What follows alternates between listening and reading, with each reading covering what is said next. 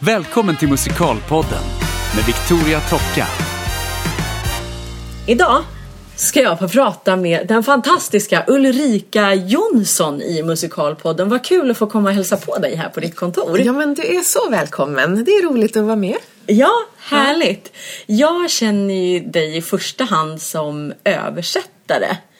Men du har ju eh, själv ens både, har du musikalutbildning också eller bara ja, skådespelarutbildning? jag gick eh, Balettakademin i Göteborg. Ja! Ehm, samma klass som Linda Söderholm, Mattias Blad, eh, Mia Ringblom som nu är på Spira. Och året under så gick Anke Albertsson och Annika Jaha. Edstam. Nej, Annika, ja men gud, ja, vi gick där samtidigt i alla fall. Ja, okej. Ja, jag fattar. Eh, ja, så det här var på i förra seklet. Du är rolig. Ja, det låter som vi är supergamla nu. För Ja. jag gick också där då i förra seklet. Förra seklet. Ja, exakt. Och sen gick du skådespelarutbildningen på Ja, men artisten, precis. eller hur? Jag, hade ju, jag är ju född med olyckliga knän. Så att, eh, och det här visste jag ju redan innan jag började Balettakademin. Okej. Eh, Så det var lite därför jag sökte musikal. eh, För att jag eh, kom från dansen. Jag ville egentligen bli så dansare och koreograf. Men, men kände väl redan som tonåring att mina knän inte kommer tåla detta. Så jag söker musikallinjen. eh, För då är det inte lika mycket dans. Nej. Eh, och så hade jag väl en hemlig dröm om att sjunga och spela teater fast jag liksom inte hade gjort det så mycket. Eh, så kom jag in på musikal men det höll ändå inte så att i tvåan opererade jag knät, en jättestor operation. Oj. Och då fick jag ta extra scenframställning för jag ville liksom inte sluta skolan. Nej, såklart. Och då blev det liksom att jag mer ja, gick igång på teatern. Liksom. Så då sökte jag scenskolan, Ja. skådespelarlinjen. Så, och kom in precis.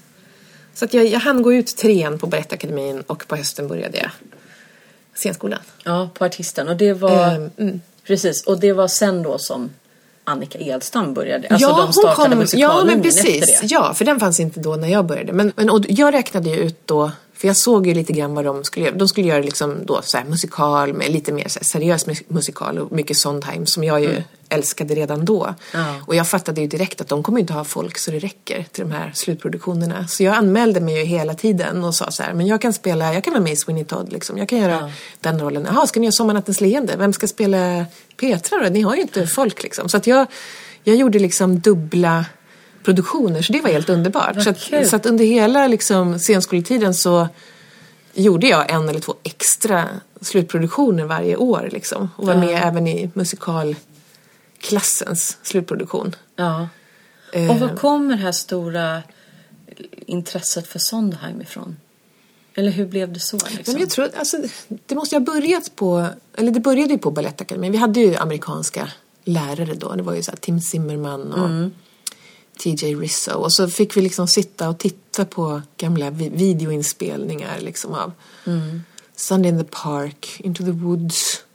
Och det var väl, ja men alltså det bara, hela min, ja, det klickar in liksom i vad jag jag älskar den. Det, jag har det, det är liksom humorn, allvaret, eh, eh, cynismen, musiken liksom. Ja. Ehm, så att jag, jag blev helsåld liksom, på de där videoinspelningarna. Liksom. Ja. Och sen skulle, så skulle vi, och, och, och det här hör liksom ihop med översättandet för att då, då, var det, då skulle vi göra just Sommarnattens leende. Och då var det liksom att då skulle jag göra Petra och så fick jag den här översättningen, en jätte, jättelång sång. Är det ju. Ja, ja, precis.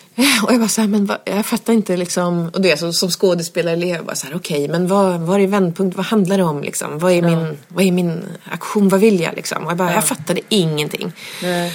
Eh, den var så konstig tyckte jag. Och, och jag gillade den liksom inte. Eh, och så lyssnade jag på originalet. Och bara, fast, men originalet fattar jag ändå så här, vad det handlar om. Jag fattar vad den här versen går ut på. Och så tänkte jag, men jag måste försöka liksom då pyssla för jag kan inte liksom, jag fattar inte den här texten. Så då liksom, ah, jag får göra, jag testar att göra en, en egen. Så då gjorde jag en egen text. Som blev bra liksom. Som, och sen så då började de andra så när jag började repa med min nya text så började de andra i ensemblen komma också. Bara så här, men gud, kan inte du titta på min text också? För jag fattar ingenting heller. Och kan inte du titta på den här texten? Och kan inte du göra det här? Så så började det liksom. Att jag började översätta Sondheim. För det är ju Sondheim jag liksom har översatt mest. Eller gör så här helst, typ. Ja men du är ju verkligen en av få, möjligen typ två i Sverige som gör det. Ja. Och som dessutom gör det väldigt, väldigt bra för att det är ju otroligt komplicerat och komplext. Ja. I och med att han har, alltså så mycket ligger liksom i hans val av ord, hur han, eh, alltså texten är ju så otroligt viktig tänker jag i- just Sondheim.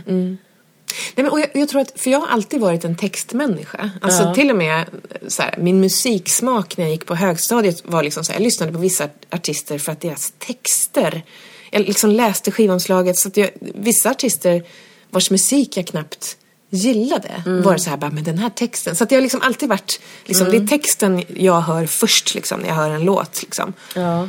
Så, att- så för mig, det här låter ju kanske konstigt. Jag tycker att Sondheim är mycket enklare att översätta än ja, men så här, den, den svåraste jag kan tänka mig är typ Andrew Lloyd Webber. Kanske inte den svåraste, men det finns andra ännu svårare. Där det liksom inte där texterna inte är så komplicerade från början utan de är väldigt så här I love you, this is fantastic. Liksom. Då är det så här, men ja, vad ska jag göra av det här? Det här går inte in i noterna.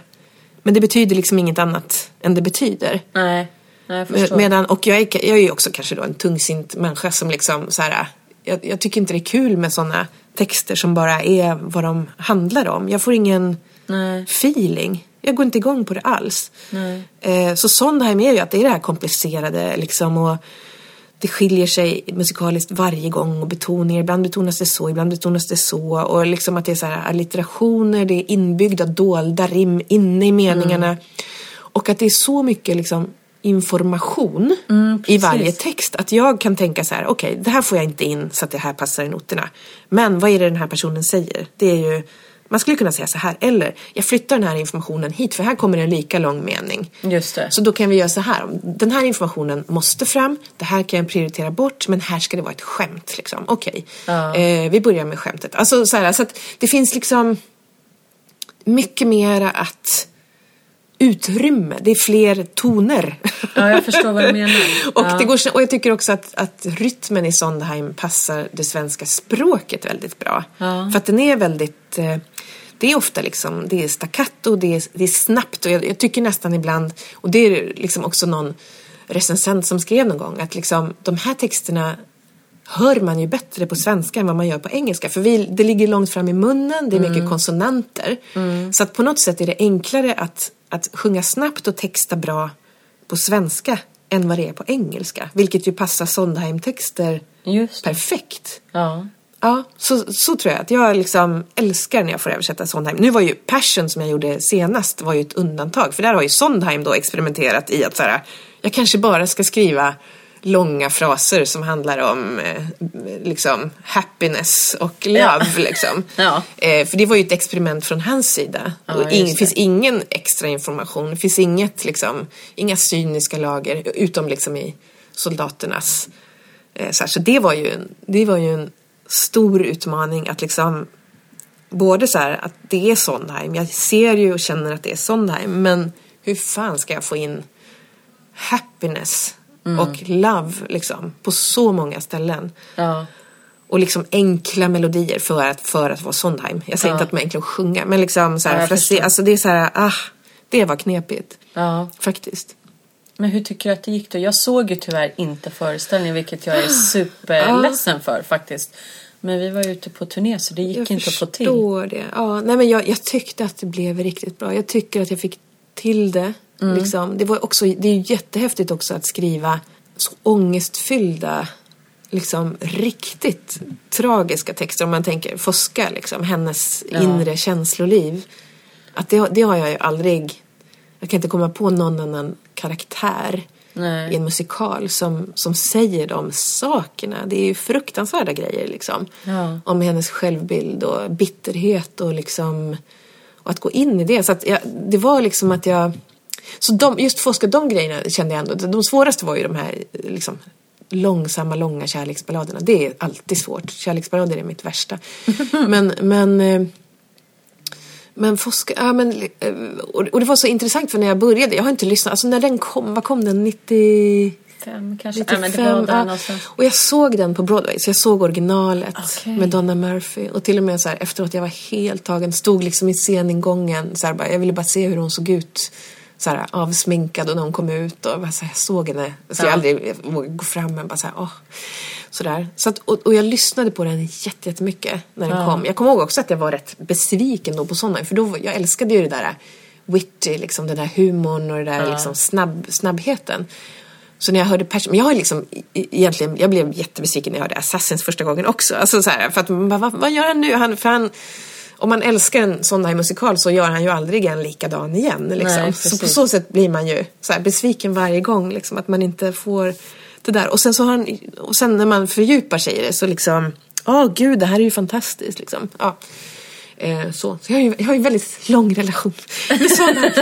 eh, nej men, eh, och då, så när jag satt och skulle göra Passion, då sitter jag ju alltid liksom så här, då har jag inspelning, jag har noterna med engelska texten. Ja.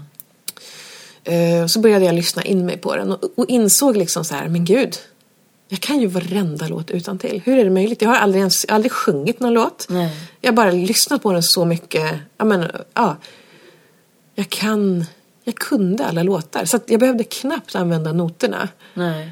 Ehm, utan jag liksom översatte den liksom så här, nästan så här rakt ur hjärtat på något sätt. Ja. Ehm, och samma, alltså som jag kan liksom, ja, det var, det var väldigt häftigt att den, den satt kvar liksom i hjärnan så i, i detalj. Ja. Från när jag lyssnade, lyssnade så intensivt på den liksom. Ja, just det. Att jag bara kunde så här, plocka fram det så kunde jag alla melodier. Och sen dubbelkollade jag i noterna. Bara så här, har jag blandat ihop det här nu? Nej, det stämmer liksom. Här är det en triol, här är det en åttondel. Alltså så här, Ja, ja. kul. Eh, det fanns kvar liksom i... Så det, den var väldigt häftig. Det blev en process. Ja. När du går in i ett sånt här översättarjobb, Mm. jobb, alltså fokuserar du och bara jobbar med det då under en period? Att du liksom går in nästan i en bubbla? Eller, alltså du gör ju så mycket andra grejer men jag tänker liksom hur Mm. Ja, men du... så här, I mitt tidigare liv där jag jobbade som frilansare, frilansande skådespelare Ja. och, och inte hade barn. Ja. Så hade jag svarat ja på det. Ja.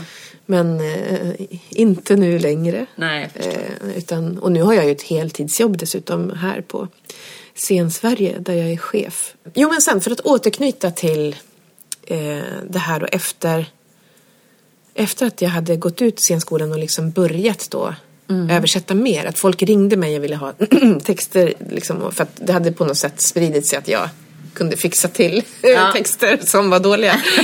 eh, det, här är ju, det här är ju liksom bara personliga åsikter. Någon Ja, annan ja. kan ju tycka att de är jättebra. Så jag vill inte förhäva mig och säga Nej, att, nej, att allt annat är dåligt. Men då, gjorde vi, då var vi ett gäng som startade, jag och Annika Edstam startade då Stockholms musikalkompani för att sätta upp Into the Woods På Södra. på Södran. Och det var Annika som var initiativtagare och drev det jättemycket. Hon gjorde ett otroligt bra jobb. Och jag översatte då den. Var du med i den själv också? Mm. Så Annika var häxan och jag var bagarfrun. Och, och sen var det många i det gänget som sen har hängt kvar. För vi har ju gjort ett antal liksom, Sondheim-konserter.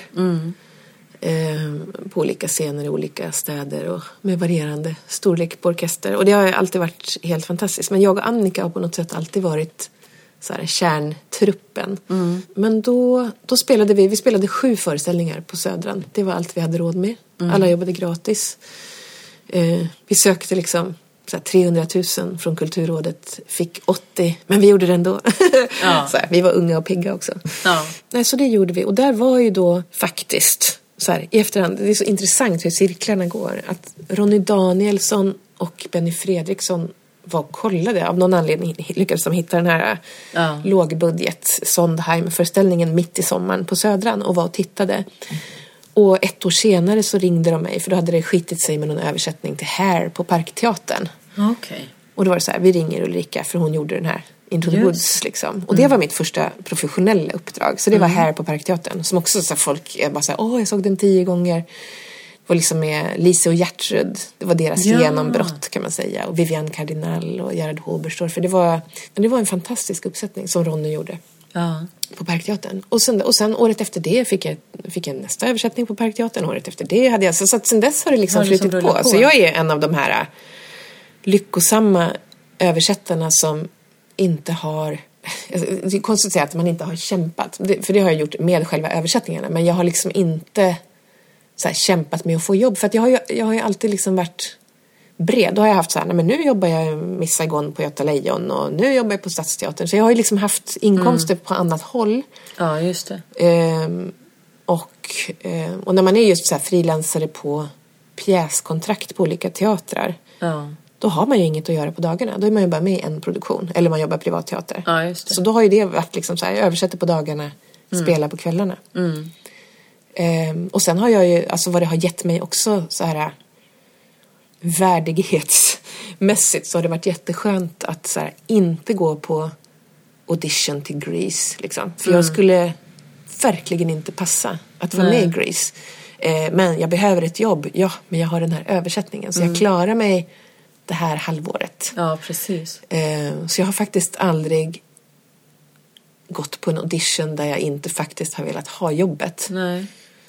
Men det kan jag också känna lite grann att jag har själv haft väldigt svårt för att liksom eh, göra grejer som jag inte brinner för eller inte gillar liksom.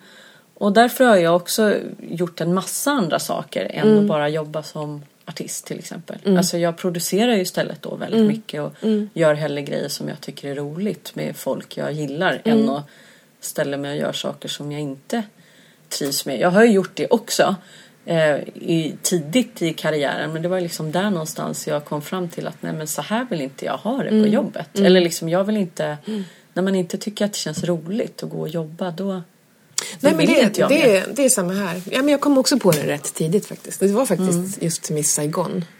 Där slutade jag ju efter, en, efter ett år. Var det här i Stockholm? Ja, på Göta Lejon. Ja. Vad gjorde du där? Jag var inhoppare för, För Ellen? Ellen. Ja. Så jag satt ju mest i logen och lyssnade på den här jävla musiken. Ja. eh, Som jag tycker är så dålig. Nu, det här kan man ju tycka olika om. Men Ja, just jag Men tycker alltså, inte det är den är väl- bra. Eh, jag tyckte inte om historien, jag tyckte inte om regin.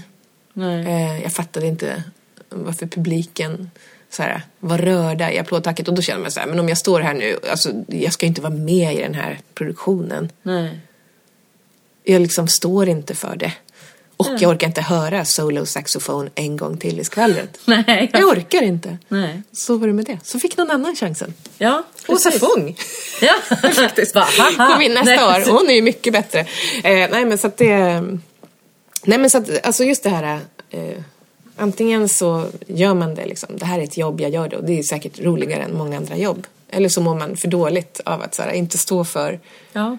Nej, men jag gjorde en sån föreställning i Tyskland ett tag. Som var, Ja. Det var mer som en krogshow liksom. Ja. Eh, Och själva idén och tanken från början var en jättekul och bra grej. Och jag vill egentligen inte prata för mycket om den för att jag är lite sugen på liksom använda konceptet, alltså grundidén och göra någonting själv här i Sverige nu. Men alltså så som de utformade det och som det blev, alltså som föreställningen blev. Så kände jag att jag gick upp på scen varje kväll och faktiskt skämdes typ för att stå där. Och kände att det här, ja men jag står inte för det här, jag vill inte det här. Och det var så jobbigt liksom att göra det. Men då var jag ganska ung också och var liksom tvungen att tjäna pengar också. Men det var liksom, den upplevelsen var väldigt stark för mig. Och där kände jag att nej men så här vill jag inte jobba. Då måste jag liksom hitta något annat att göra. Och, och om jag eh, står på scenen eller gör andras, alltså det är irrelevant. Alltså det måste fortfarande vara givande och roligt liksom. Ehm, och då hittar man, eller hittar jag i alla fall mina egna vägar liksom. Och det är väldigt intressant att alltså, höra andra som känner och gör jag- likadant. Jag, jag kan ofta känna mig förvånad att folk är så, men man, man är olika liksom. Eh, att folk är så upphängda på att stå på scen, liksom. att det är det som är själva egenvärdet. Att, och det, det är den vanligaste frågan jag får, den får du säkert också. Liksom, att så här, men saknar du inte scenen? Och man bara, nej, alltså om vi säger att jag jobbade i 15 år, olika pjäskontrakt, jag har haft otroligt många arbetsgivare. Liksom. Både fria grupper, institutionsteatrar, privatteatrar och driva egna projekt.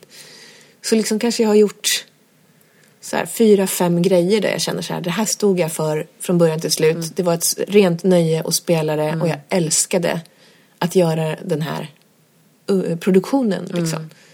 Ja, men så här, fyra, fem som jag kanske kan komma att tänka på. Annars är det så här, ja, jo men det var en bra roll men det så här, jag fick hantera motspelaren varje kväll. Eller eh, jo, det var en bra liksom, pjäs men regissören fattade aldrig liksom, det. Eller, alltså, Ja, eller så här jobbig process eller ja, men ju- just så här i, i arbetet. Det här var inte ett lustfyllt arbete. Ehm, och ofta när vi, när vi också jo- jobbade i egna projekt, det har ju varit liksom det mest fantastiska. Att stå på scenen där man själv har liksom här skapat, det vet ju du också, när man har skapat något från scratch. Liksom. Men där har det också varit att liksom efter de perioderna när vi har gjort något med Stockholms musikalkompani, då har vi liksom varit så trötta på arbetet. Vi har ju liksom aldrig haft någon producent, vi har aldrig haft någon administratör, utan vi har liksom verkligen gjort allt själva. Och när det är över, då är det bara så här, Ja, men man är ju tömd. Hej då, ses om några år. Liksom, Ja. så här. Och folk bara så här, men ska ni inte ta det här vidare? Men, hur, alltså vi orkar inte. Nej. Jag orkar inte, ingen orkar liksom. Nej. Börja så här, söka pengar så ska man formulera så här, men vad vill du göra om två år? För det är då, man måste vara ute i så god tid, men då vet vi ju inte ens om vi Nej. är här i stan. Alltså, så det Nej, är men liksom... Där har ju jag känt lite som producent just här, och, och egen. Dels så känner jag igen det här med att man är ju väldigt trött när liksom en produktion är över och så. För att jag jobbar ju också själv liksom. Det är ju typ allt från marknadsföring till bokning till eh, boka artister till boka tågresor och Ja, hotell och exakt. koordinera. Alltså det är fruktansvärt mycket jobb. Men jag har då valt att egentligen satsa mina egna pengar därför att jag har inte orkat ta ytterligare ett projekt där, alltså det här med att söka bidrag och så. För jag menar, ja, så har du tur kanske du får in då i bästa fall liksom 30, 40 och liksom tusen, inte vet jag. Och det är liksom, jag orkar inte jobba så mycket som krävs för så lite pengar inom citationstecken. För när du ska göra en produktion så är det väldigt lite pengar. Ja. Och då är det nästan så här så att Och sen ska det redovisas tillbaka. Och Ja, också, så ska ja men det blir så ja. mycket, mycket Jo. mer jobb liksom. Och sen naturligtvis är liksom risken är ju mycket större att jobba på det sättet som jag gör. Men uppsidan är ju också större om det går bra.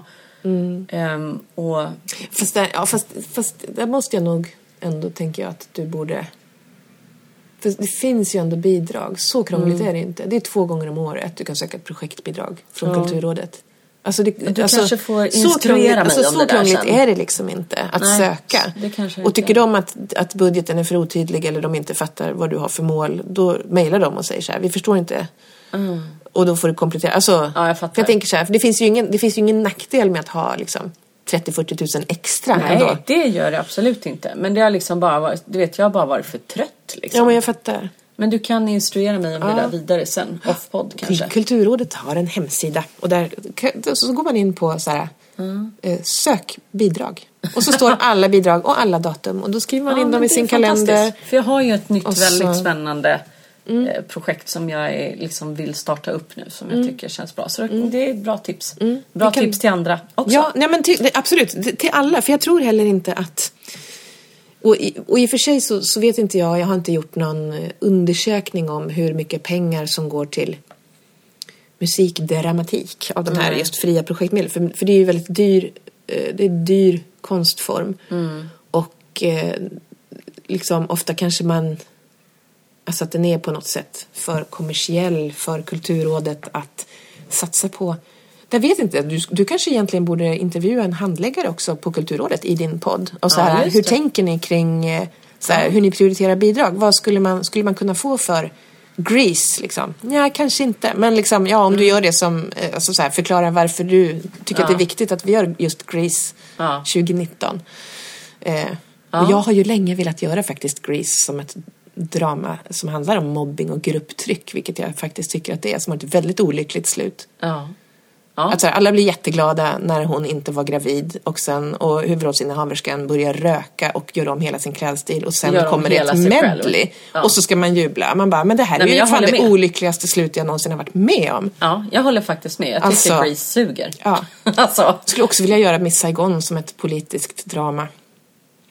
Om Ja, hur Vietnamkriget. skulle- hur skulle du vilja göra om På? Orionteatern med mimare som hänger i taket. nej, men Mimare som hänger i Ja, taket. nej men något sånt. Ja, nej men alltså Nej, men hur man skulle, kanske skulle hur kunna... skulle du vilja göra Miss Saigon då för att Nej, men, skulle åh, jag har bli inte bra? tänkt, men jag, liksom? ty- jag tycker att politiskt är det väldigt problematiskt med hela den här USA-glorifieringen. Liksom. Absolut, absolut att USA...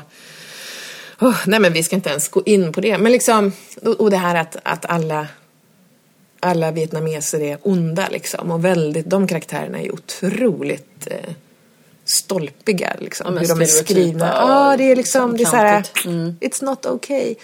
Eh, så att man skulle kunna luckra upp det där lite. Mm. Och arra om de här jävla popdängorna liksom. Så att de, då kanske de, ja, jag vet inte. Detta, återigen, det är helt okej att en massa människor älskar Miss Saigon. Eh, Men så alltså, jag, vill tycker inte- bara att det är men- intressant liksom, när jag tittar på just det kompositörsparet. Mm.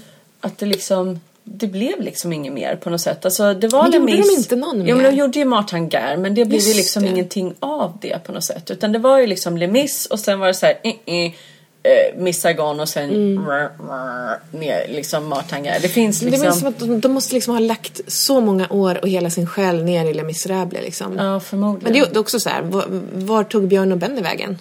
Efter Kristina från Duvemåla. Ja. De har inte Men de här, kanske bara inte är så sugna på musikal. Alltså de gör ju så mycket andra Ja. grejer tänker jag. Men har du koll på vad då de här Schönberg Nej, jag har ingen koll. gör? Nej, De kanske också spelar in pianoskivor. det kanske de gör. Vi kanske måste googla det. vi, får, vi får googla och kolla här. vad de håller på Ja, med. de Eller bara lever, engagerat sig dricker politiskt. vin och äter baguetter och brieost och Ja. lever på pengarna liksom. Ja. Titta på solnedgången. Det är ju också skönt liksom. Kanske. Tänker jag. Men jag tror att har man någon sån här inre driv någonstans så Alltså jag brukar fråga mina föräldrar som har gått i pension och sådär, men liksom vad gör ni på dagarna? Det Mm. verkar skittråkigt att vara pensionär tycker jag. Men du vet, de är i Spanien och Ja men gud, jag kan längta. dricker vin och går ut med hundarna och liksom Ja. bara hänger. Ja. Jag vet inte, jag får typ ång jag, läser ångest. och- tidningen i tre timmar. Ja men jag får utslag av att tänka på att Ja bara men hänga du är, fortfarande, liksom. du är fortfarande så ung och pigg. Jag är liksom, har ändå så kommit över så här att jag så här bara, ja men jag kan nog tänka så här, fan vad skönt det kommer bli. Hoppas jag lever så länge att jag hinner, Ja. hinner gå i pension. Att pensionssystemet i Sverige fortfarande finns. Att jag kommer kunna liksom Ja, här men klara annars så mig. säljer du liksom din superdyra innerstadslägenhet och flyttat Ja. du vet till typ Vietnam och sitter där och tittar på solnedgången. Fast du, man vill vara nära sina barn, det är ju ett problem. Ja. Ja. ja. Men jag bara tänker att Ja, nej, men absolut. Det- jag får bara lösa för att det det. är superdyrt att bo här så Ja, det går nej, att men lösa. absolut. liksom. Det går att lösa. Det går att Ja. lösa. Eh, eller så får mina barn eh, leda, leda in dem på yrken med det som har en framtid. Så här. Webbutvecklare, Ja, spelutvecklare. Ja, sånt, så att de blir rika. Eller jurister. Ja, Ja, vi får- vi får se vad det Återkommer i en podd om 20 år vad det blev av barnen och min ekonomi som pensionär.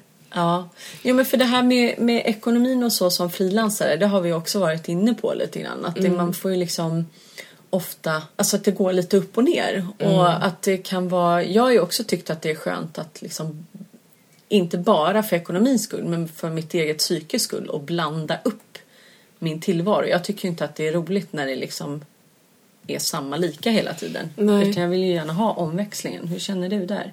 För du gör ju också väldigt mycket olika saker tänker jag. Nej, men jag tror alltid att jag har haft ett, alltså, har också haft ett starkt driv sen när jag ser tillbaka på det. Att liksom när jag, när jag gick Balettakademin så gick jag på, på kvällarna och tog en, en kurs i praktisk svenska på universitetet.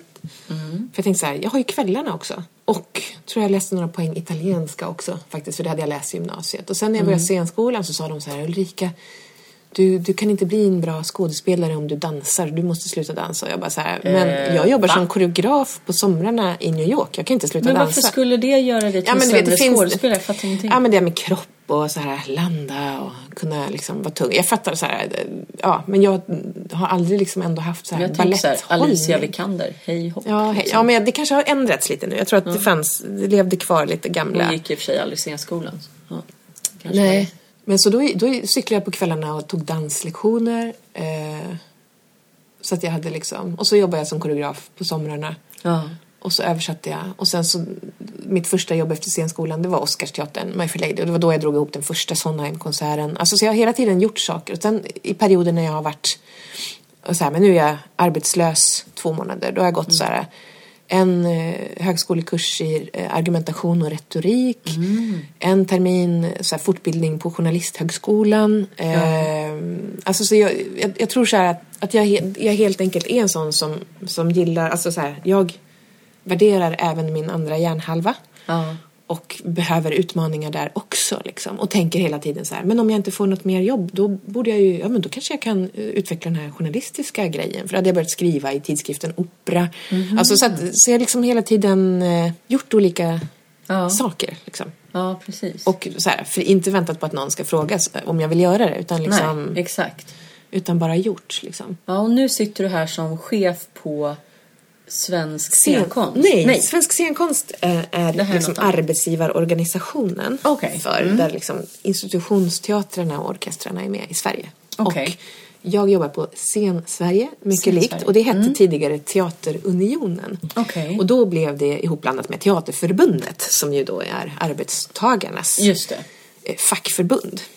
Och Scensverige är en neutral scenkonstorganisation som är en medlemsorganisation. Så i min styrelse så har jag både Svensk scenkonst, arbetsgivarna, och Teaterförbundet. Okej. Och så eh, centrumbildningarna, Teatercentrum, Danscentrum som är ju arbetsgivare för alla fria grupper och eh, liksom fria koreografer. Ja. Eh, Och sen eh, sitter det ja, men också Dramatikerförbundet, Centrum för dramatik. Alltså så att jag samlar liksom. Och sen har jag en utbildningskommitté för alla högskolor är också medlemmar i Scensverige. Ja. Så där sitter representanter från eh, alla konstnärliga högskolor. Ja. Eh, och sen så har jag också en kulturpolitisk kommitté som jag är sammankallande för. Och där är det också då Svensk scenkonst, Teaterförbundet, Danscentrum, Teatercentrum och Dramatikerförbundet. Och länsteatrarna i Sverige Ja. eh, som sitter. Så jag är liksom sammankallande för de här olika. Så vi, vi är på något sätt så en, en plattform där vi ska driva scenkonstfrågor neutralt. Så att det inte är så här ur ett arbetsgivar eller ett arbetstagarperspektiv. Utan vi ska liksom fokusera på konsten Ja, okej. då. Ja. Arbetsvillkoren sköter de här andra organisationerna. Vi diskuterar andra saker. Liksom. Mm. Som till exempel vadå? Till exempel eh, nu om någon vecka så har vi ett evenemang som Utbildningskommittén arrangerar på eh, STDH. Stockholms dramatiska, de byter ju namn varje år. Eh, Stockholms dramatiska högskola. Ja, typ Som ingår i SKH. Eh, ja, precis. Men det, det får inte... Det, är- ja, precis. Men det är ja, det det ja, är. vi ska inte gå in på det. Men ja, är men, ja. ja. Ja, men och där, där då kommer vara representanter från så här, Kungliga Balettskolan, Balettakademin, de olika eh, scenskolorna, operahögskolorna runt i Sverige och Mm. där de ska, det- vi ska ha panelsamtal och prata om praktik. Och inte då utifrån så här, men äh, utnyttjas praktikanter av arbetsgivarna eller bla bla bla utan så, utan så här, är det, är det det bästa i en utbildning? Ska det finnas praktik? Vad är det bra Ah, okej. för? Hur, hur blir eleverna bättre av det? Alltså så här, prata om det på det sättet. Just det. Kvalitet för utbildningen, för en del har ju tagit bort praktik Mm. på scenskolorna och så. Och i dansvärlden är det också så det är jättespännande. Och så ska vi prata masternivå, vad är det för något? Det. Eh, och, eh, för det måste alla universitet ha och man kan liksom doktorera och sådär. Vad betyder det? Och sen residens också som ju har funnits länge inom dansvärlden och som kom, börjar komma lite mer ut inom teatervärlden. Att man kan söka residens hos någon eh, om man liksom vill utveckla en idé. Till exempel så här, vi säger att eh, två som lyssnar på den här podden har en idé om en musikal som de vill skriva. Ja. Då kan de söka residens hos till exempel Riksteatern eller Strindbergs Intima Teater. Det är de två jag kom på nu. Ja, ja. Som har, tar in ett antal liksom, eh, scenkonstnärer varje år som får så här, repsal, teknik, hjälp, liksom, stöd. Och då är man där bra. under ett visst antal veckor och får all backning och så kan man utveckla sitt projekt liksom. Och Ah. göra en showcase.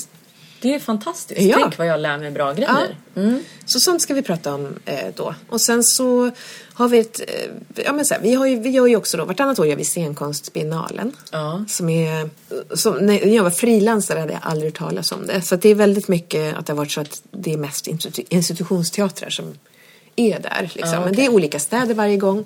Och då är det en jury som väljer ut det bästa, de bästa produktionerna som har gått i Sverige de senaste två åren. Ja. Och sen så är det kanske hundra seminariepunkter, workshops, panelsamtal Mm. eh, och massa föreställningar. Eh, det gör vi vartannat Men år. pratar vi, de föreställningarna du pratar om nu, är det sådana som har gått på statliga teatrar? Nej, det är Eller det alla. kan vara allt, det kan vara privat och allting liksom. Och det här året, vi var i Norrköping i våras. Ja. Då var det väldigt mycket, jag tror aldrig det varit så mycket fria eh, producenter någon gång. Det var Nej. väldigt mycket, eh, som tidigare hette fria grupper. Ja. Eh, nu säger vi fria producenter, för teater, de vill inte bli kallade för grupper. De Nej. säger fri teater, men vad ska vi kalla dansarna då? Men fri, ja, usch, det, är så här, Ja. det är mycket så här. Jag sitter mycket och väger mina ord för att jag blir tillsagd hela tiden. Eh, jag ska säga rätt. Eh, nej, men så det, fria scenkonstproducenter eh, kallar vi dem. Så det var väldigt mycket så, väldigt få stora produktioner överhuvudtaget på biennalen. Så har det nog aldrig varit förut. Så det är ju liksom att det skapas väldigt mycket intressant scenkonst bland i det fria kulturlivet. Det är jättekul. Och sen har vi vartannat år ett annat showcase som heter Swedstage som, där vi på något sätt vänder på det. För att om biennalen är så här, det bästa som har gått de senaste två åren och som kanske inte spelas längre. Och Swedstage, då bjuder vi in så här 60-70 utländska bokare till festivaler, eh, konstnärliga ledare från chefer som letar efter gästspel som åker runt i världen och liksom letar. Ja, okej. Och då har vi en annan liksom, urvalsgrupp som väljer ut eh, vi går ut, man kan anmäla på vår hemsida. Eh, Vad heter hemsidan? scensverige.se. Scensverige.se. Eh, om man har en produktion som är redo att turnera utomlands. Eh, typ eh, att man har någon sorts översättningslösning, liksom textremsa eller någonting. Eller det är mycket dans och det är både för vuxna och barn och så. Så då kan man liksom ansöka om att, att vara med eh, och sen så är det en grupp som åker och kollar på alla. Och sen väljer vi ut ett antal som vi tror så här, det här kommer våra gäster gå igång på. Ehm, och så är det kanske 10-11 produktioner som spelas i Stockholm under tre dagar. Och sen så, ja, så får de här producenterna inbjudningar från olika länder och festivaler. Och, Ja, vad kul. Ja, så, så, så det jobbar jag också med. Eh, liksom. Så det är på så sätt. För att jag är också del av, av eh, ett internationellt, en internationell eh, organisation som är knuten till Unesco. Ja. Som heter International Theatre Institute. Så vi heter också Swedish ITI. Ja. Så vi är ett svenskt center. Det finns hundra center i världen. Så det jag får, liksom, så här, mitt verksamhetsbidrag från Kulturrådet det är för den internationella verksamheten. Så jag ska Okej. jobba för att utveckla och främja den svenska scenkonsten och jobba liksom på att öka det internationella samarbetet. Vad spännande. Mm. Men jag tänker på eh, alla de här sakerna som du jobbar med. Hur, om vi ska återknyta till musikal lite grann. Finns det liksom en plats för musikteater eller musikal i de här sammanhangen? Eller räknas det liksom fortfarande som lite för lätt eller för kommersiellt? Eller förstår jag tänker? Ja, jag förstår exakt, för det här har jag ju brunnit för i så många år. Liksom, Mm. att, att så här, musikal är inte en genre. Det, finns, det är som att säga att så här, film. Men vad är det för film då? Liksom? Ja, det ja. finns ju lite olika. Ja, och så är det även med musikal. Liksom, att allt är ju inte Grease och krogshow. Liksom. Nej. Det finns annat. Men, men, eh, och där är det väl liksom att teatrarna också på något sätt, som vi ju också många har eh, verkligen så här slagits för under åren, att, att teatrarna inte bara ska se musikalen som ett sätt att så här, dra in pengar så att de kan göra andra saker. Att man vill att alla musikaler ska vara så breda som möjligt för att då säljer man mycket biljetter. Och det är ju den verklighet som institutionerna har. Men så att det är ju det är så himla glädjande när, när det finns stora producenter som, som satsar på någonting som är lite smalare. Ja. Helt underbart. Jag tycker att det, jag tycker det sker. Jag tycker det har, liksom att medvetenheten verkligen har ökat. Men det är ju inte många, alltså så här, till biennalen, det är ju inte många musikalproducenter som nominerar föreställningar till exempel. För att det är för dyrt och så här, biennalen är våren 2019. Ja men då, då är ju inte de här människorna på kontrakt längre. Då kommer det kosta, då ska vi repa upp den här. Det Ja, blir en sån stor kostnad liksom. Och så har vi orkestern liksom. Vad gör, hur gör vi då? Då ska, alla, då ska vi åka 40 personer liksom till den här biennalen och spela. Och varför? För att den spelar ändå inte längre. Nej. Så vi kommer ändå inte sälja fler biljetter på det. Så jag tror att det är liksom Ja, det är det är så. inte så många som nominerar musikaler, vilket är tråkigt. Ja. Men på biennalen nu faktiskt så var det en grupp från Göteborg som heter Man Must Sing som var där med en nyskriven opera som hette Akvarium. Okej. Eh, så det var jättekul. Ja. Eh, modern nyskriven opera. Mm, nej, men så jag hoppas på, på mer. Mer Mm. musikaler. Det känns som att eh, precis som du var inne på, att medvetenheten har ökat både liksom bland producenter och bland eh, teatrar. Men jag upplever att den också har ökat eh, i, eller hos publiken.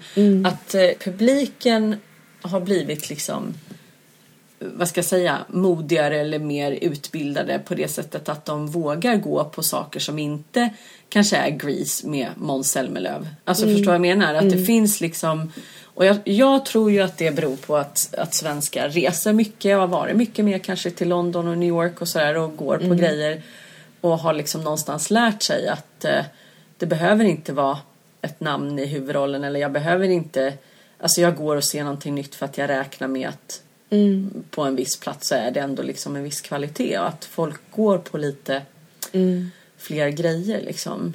Eller på, tänker men på jag- ett annat jag- sätt nu, förstår du vad jag menar? Ja, nej men jag, har- jag har tänkt jättemycket på det. Jag tror också att det finns liksom en, en publikmålgrupp som fortfarande inte är, är så här uppväckt för att teatrarna inte förstår hur stor den här... Men, men om man säger så här, det finns den, den musikalpubliken som tar en bussresa för de vill se egentligen så här, vad som helst med Måns Zelmerlöw eller Henrik Dorsin liksom. Ja.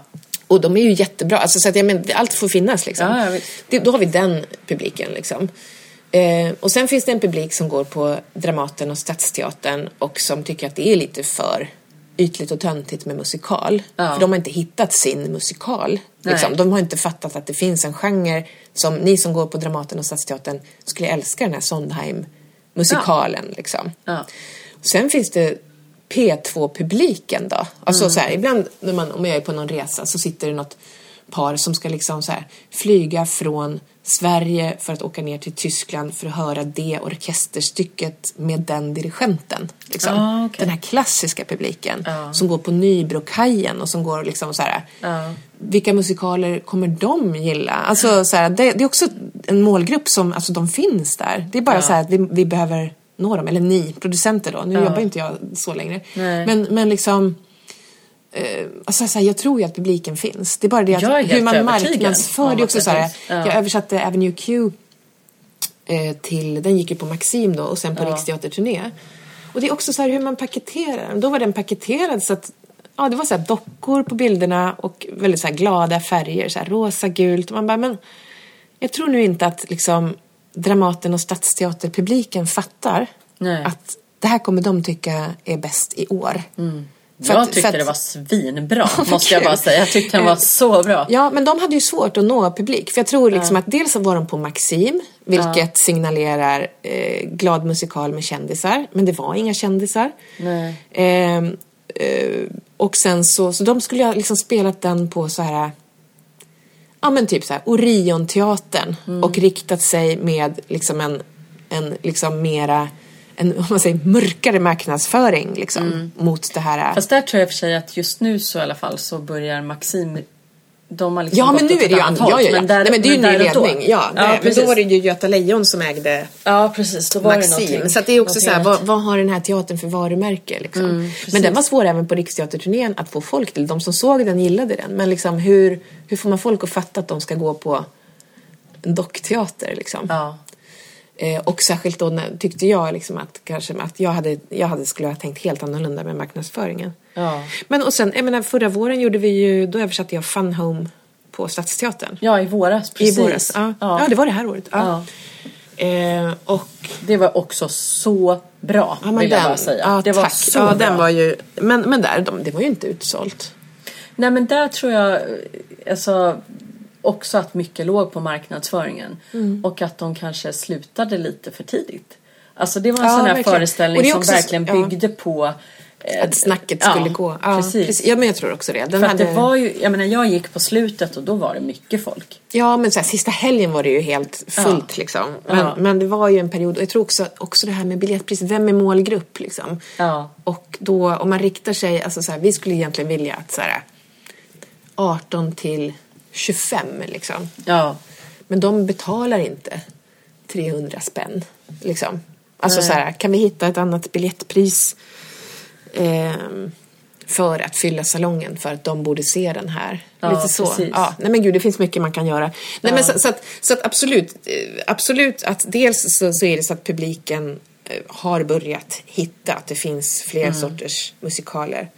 Men samtidigt så, de som finns säljer liksom ändå inte. De som, när någon nu gör något. Ni vet, jag har inte kollat till exempel hur Passion gick på Norrlandsoperan och Spira, men jag kan inte tänka mig Nej, jag den tror att det var ganska tufft för Ja, liksom. för det, så det är de här lite smalare och då blir det också så här att då får teatern inte igen sina pengar för det är fortfarande lika dyrt med orkester Ja, och visst. rättigheter och allting. Och då tänker de så här att nej men, ah, nästa gång får vi nog göra något bredare. Ja. Så vi fyller salongerna liksom. Ja. Och, då, och då är det så att så på något sätt så här, varje gång en sån produktion misslyckas rent intäktsmässigt Mm. så blir det en bekräftelse för cheferna att vi kan inte göra det här för ofta. Nej. Och det blir också varnande exempel för alla andra teaterchefer som tänker så här, ah, de gör Fanon på Stadsteatern, ska se hur den går, för då kanske vi ska göra den. Aha. Eh, de körde på en ganska liten scen och det blev inte utsålt. Liksom. Då kanske inte vi vågar göra den i Västerås heller. Alltså sådär, alltså... Nej, precis. Eh, Men hur ska man liksom ändra på det här då? Nej men jag, ja, usch, nu Eller- låter jag så negativ. Men, Nej, men, men alltså- men jag, jag, jag, tror, jag tror som sagt ändå att det händer saker. Ehm, och så tänker jag liksom ett generationsbyte nu, både i chefsled och eh, ja, men konstnärliga led. Så är det ju Ja. många, så här, om man säger det gamla gardet, då menar jag ännu äldre än mig själv. Ja, men det, det sker ju förändringar liksom. Ja, precis. Det kommer nya unga chefer som, som ja. Så det är väl så här lite i taget. Ja. Som det är med det mesta helt Ja. enkelt. Ja. För att som sagt, jag, jag kan eh, känna bara red, liksom senaste, senaste åren tycker jag att det har skett saker. Och om man ser på vad som är på gång både ute i landet men även på liksom privatteatrarna i Stockholm som har varit lite fega. Eh, eller mycket fega liksom genom Men de åren. är ju så beroende Ja. av intäkter. Så börjar det, ja, men det börjar ändå Mm. ske.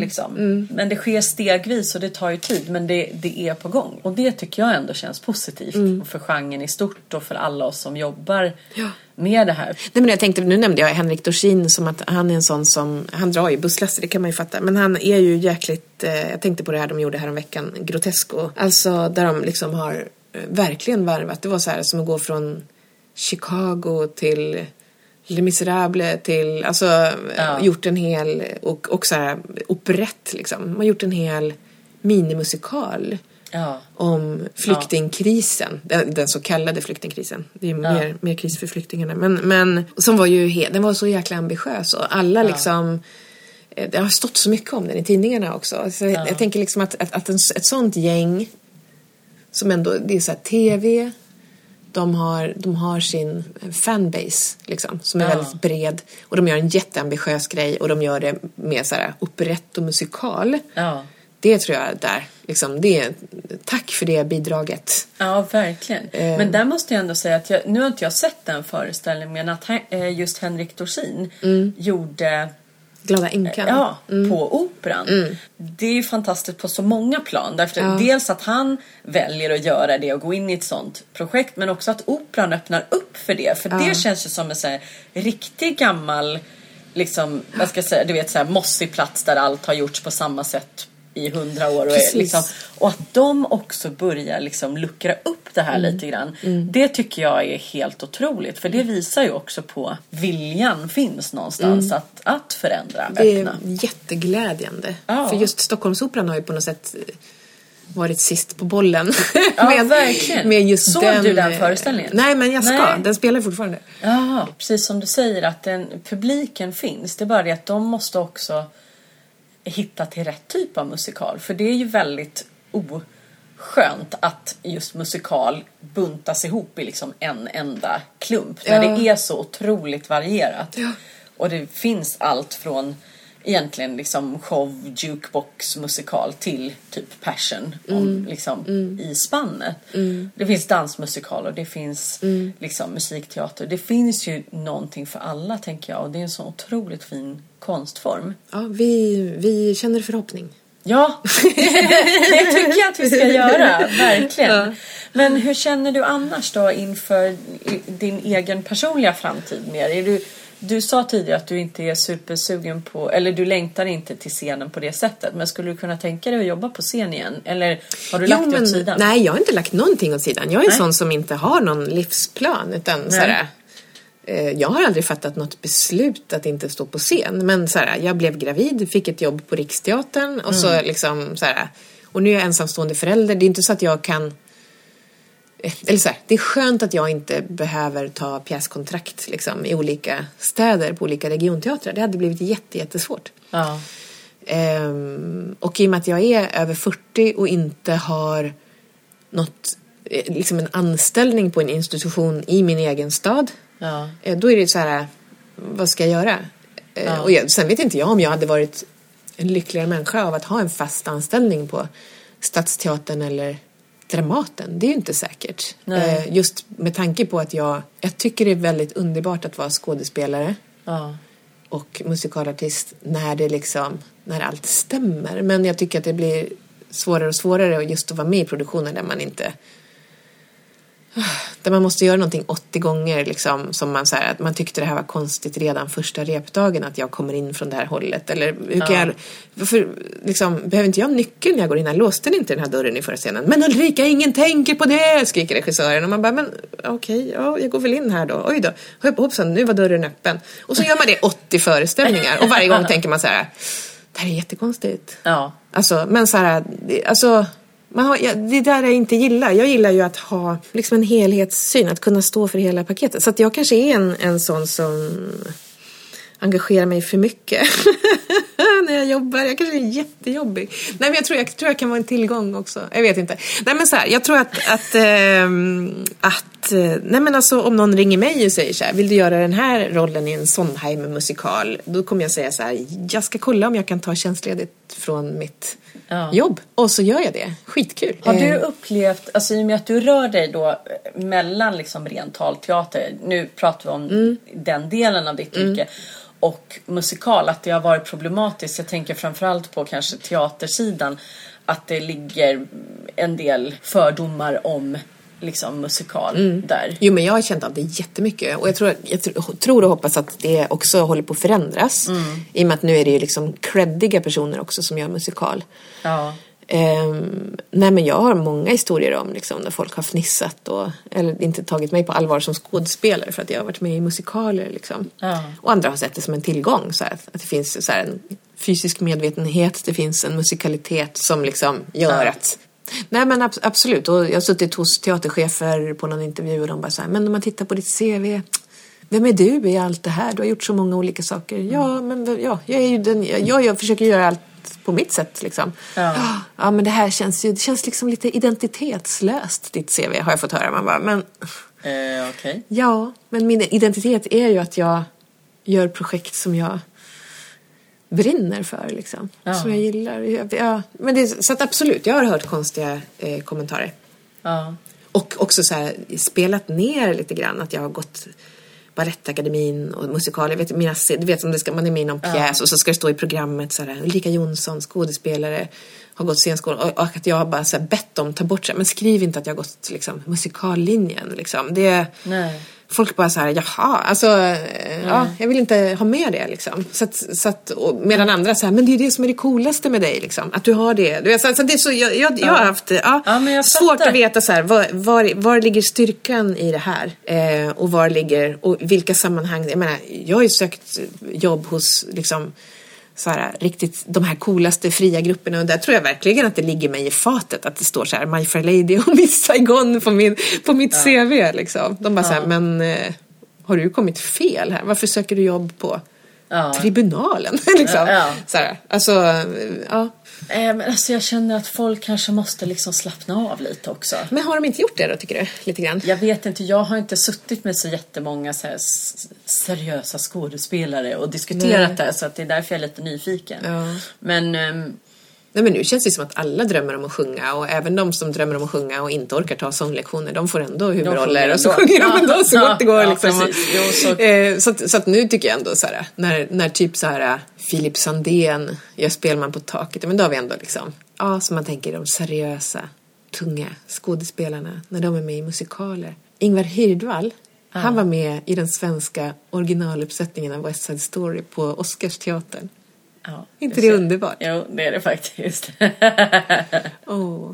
Men jag tänkte, du var inne på det här med att du... eh, Har du någonsin känt att du vill regissera själv? Jo, jag. ja, men jag har, Eller gör du det? Ja, men jag har gjort det Ja. eh, några gånger. Ehm, det är jättekul. Det tycker jag absolut att jag har fallenhet för. På grund av att jag gillar att se så här, helheten.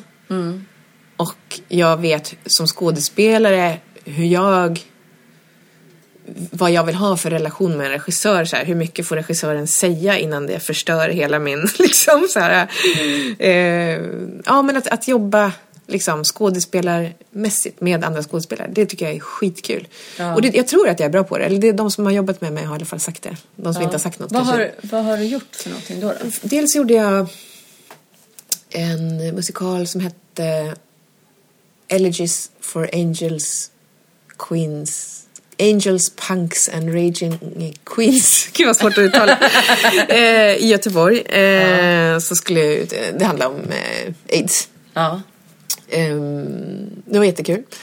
Eh, det var det första. Och sen så gjorde jag eh, på Dramalabbet en nyskriven pjäs som heter Arkitektprinsessan. ja. Eh, och sen gjorde jag en slutproduktion på Balettakademin i Göteborg med Sondheim.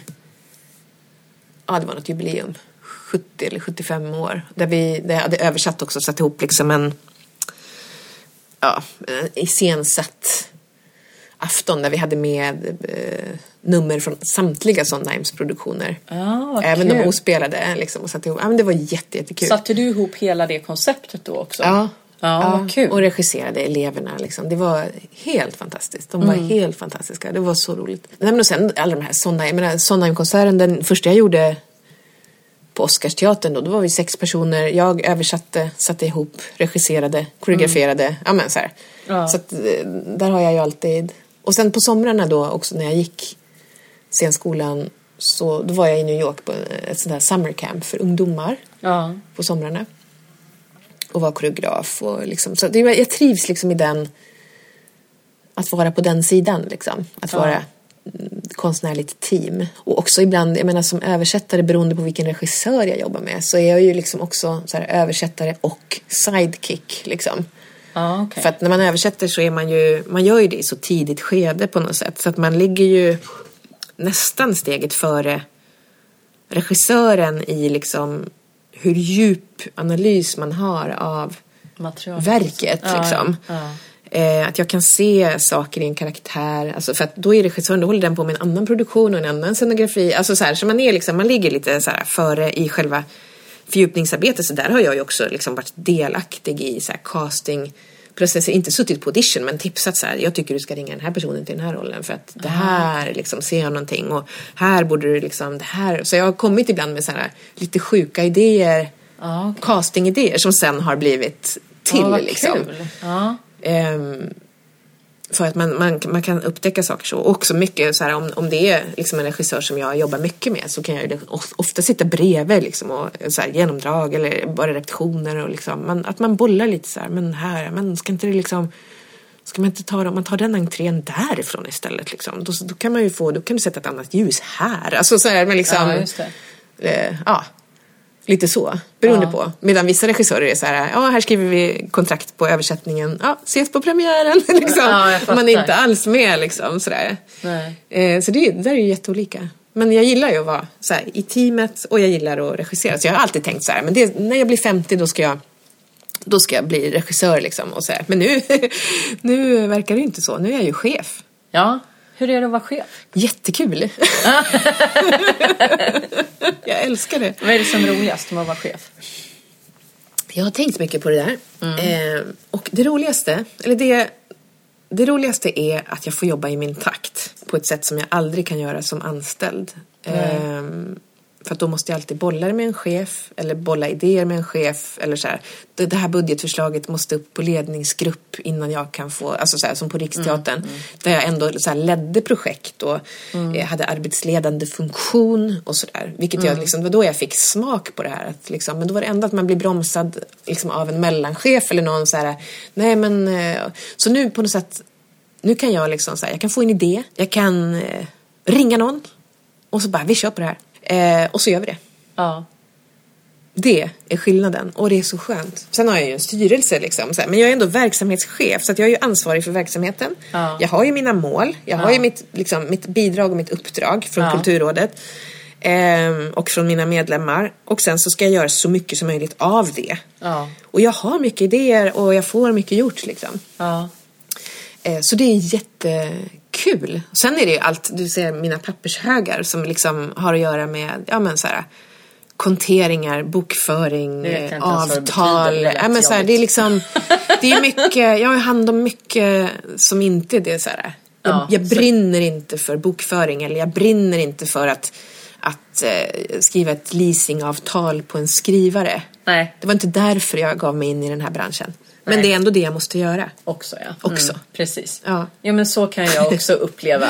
Alltså i och med att jag driver allt mitt själv. Ja. Så Ja. absolut, det är superskönt att kunna styra över min egen tid. Och det är mycket därför jag gillar att jobba helt själv också. För att jag får väldigt, väldigt mycket gjort. Ja. Eftersom jag är diktator över min egen liksom, Ja. tid och verksamhet. Liksom. Så att det går ju väldigt fort. Sen så är det ju just det att man också då måste göra alla de här tråkiga sakerna Mm. själv. Som jag satt en hel dag häromdagen med kvittoredovisning och höll på att du vet, kräkas på golvet. Men Och det är det som är kontering. Då ska man skriva en siffra på varje kvitto som ska in i bokföringssystemet. Ja, på ja, okej. Det är det som är kontering. Skattefritt traktamente inrikes, skattefritt traktaments, skattepliktigt kräk. traktamente ute. Då är det ett annat konteringsnummer. Och så ska man in i excellen. jobbigt. Och, ja. ja, ja Lite så. precis. Ja. så här, Så kräkgöra Ja. det här tråkiga som Ja. inte är så roligt att Ja, göra. som tar tid. Ja, fruktansvärt mycket tid. Och jag är sån där som gärna liksom skjuter på det och sen så bara, nu måste jag göra tre månader. Mm. Ja, det är Alltså, inte bra. vet, så här, nej, det var Ja, inte så bra. har jag med min privata firma. Så att jag Ja. sköter ju den här, den här firman sköter jag lite mer noggrant än min privata. Ja, fattar man. Ja, precis. Nej, men jag, jag eh, lyckades tyvärr skjuta det där lite långt i Hoppsan. Mm, hoppsan, fick jag en hel dag med det där. Men nu är det gjort, haha. Det, sånt måste man också fira då. Ja, absolut. Genom att spela in en podd. Exakt, exakt. Man måste liksom, Ja. man, man får Göra fira sina vinster helt enkelt. Ja. men gud vad kul att du ville vara med och prata med mig i podden. Jag lärt mig jättemycket bra saker. Är super... Kulturrådet.se. Ja. Ja, precis. Sensverige.se. superintresserad av att liksom lära mig ännu mer och lära känna dig bättre. Det här var fantastiskt kul. Ja, Tack men- snälla Ulrika. Tack för att jag fick vara med. Musikalpodden med Victoria Tocka.